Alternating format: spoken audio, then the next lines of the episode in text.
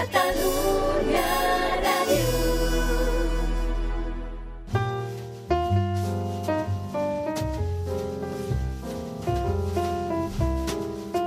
L'altre dia amb l'Àlex Rovira parlàvem de la importància dels matisos, de copsar més matisos de la realitat. Àlex, ben retrobat. Hola, Gaspar. I avui Estimat. una eina complementària que l'Àlex titula de manera molt poètica capbussar-se al, man, capbussar-se al mar de la diferència.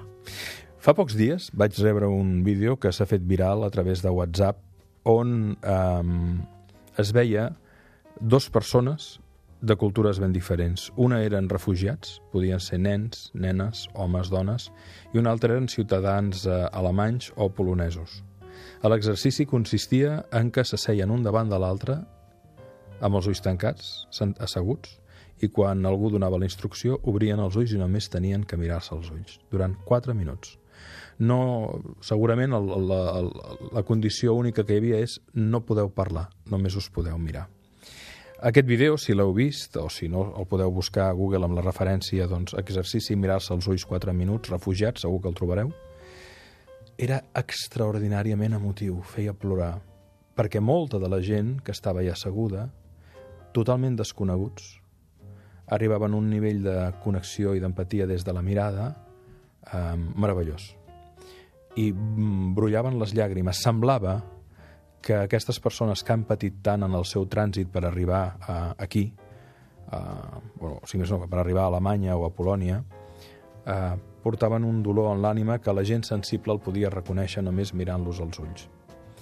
Aquest exercici eh, resultava extraordinari, extraordinàriament inspirador perquè es produïa un procés d'obertura total a la presència de l'altre sense cap paraula, sense cap a priori prejudici. Després la gent començava a parlar espontàniament i molts sortien abraçats o molts sortien prenent-se les mans o demanant-se el telèfon amb quatre minuts en silenci.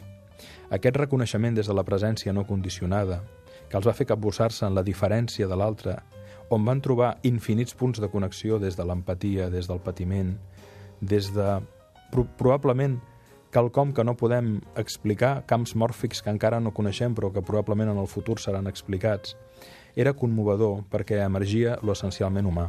Hem dit més d'una vegada que les escoles ens han ensenyat en relació a la paraula a llegir i a escriure, però no a escoltar ni a parlar.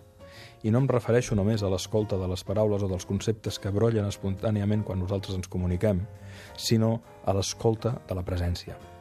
I és en aquesta escolta de la presència d'una altra persona, d'un altre grup, diferent, en la voluntat de capbussar-te fins i tot en aquells que a priori no t'agraden o rebutges pel seu aspecte físic, per la seva manera de pensar, pel que sigui, hi ha una riquesa extraordinària.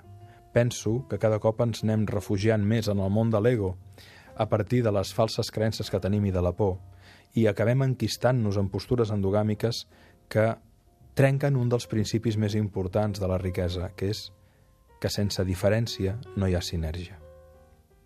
Qualsevol riquesa, qualsevol valor afegit surt del contrast. I quan de vegades més oposats són aquells que es, que, que, que es posen en comú, més ric és l'element que sorgeix de la seva combinació. Si podeu, mireu aquest vídeo i en traieu-vos cada qual les vostres conseqüències, però capbussar-se en la diferència és un exercici extraordinari. Moltes gràcies, A tu, Àlex. Gaspar. Una forta abraçada als oients també. Moltes gràcies.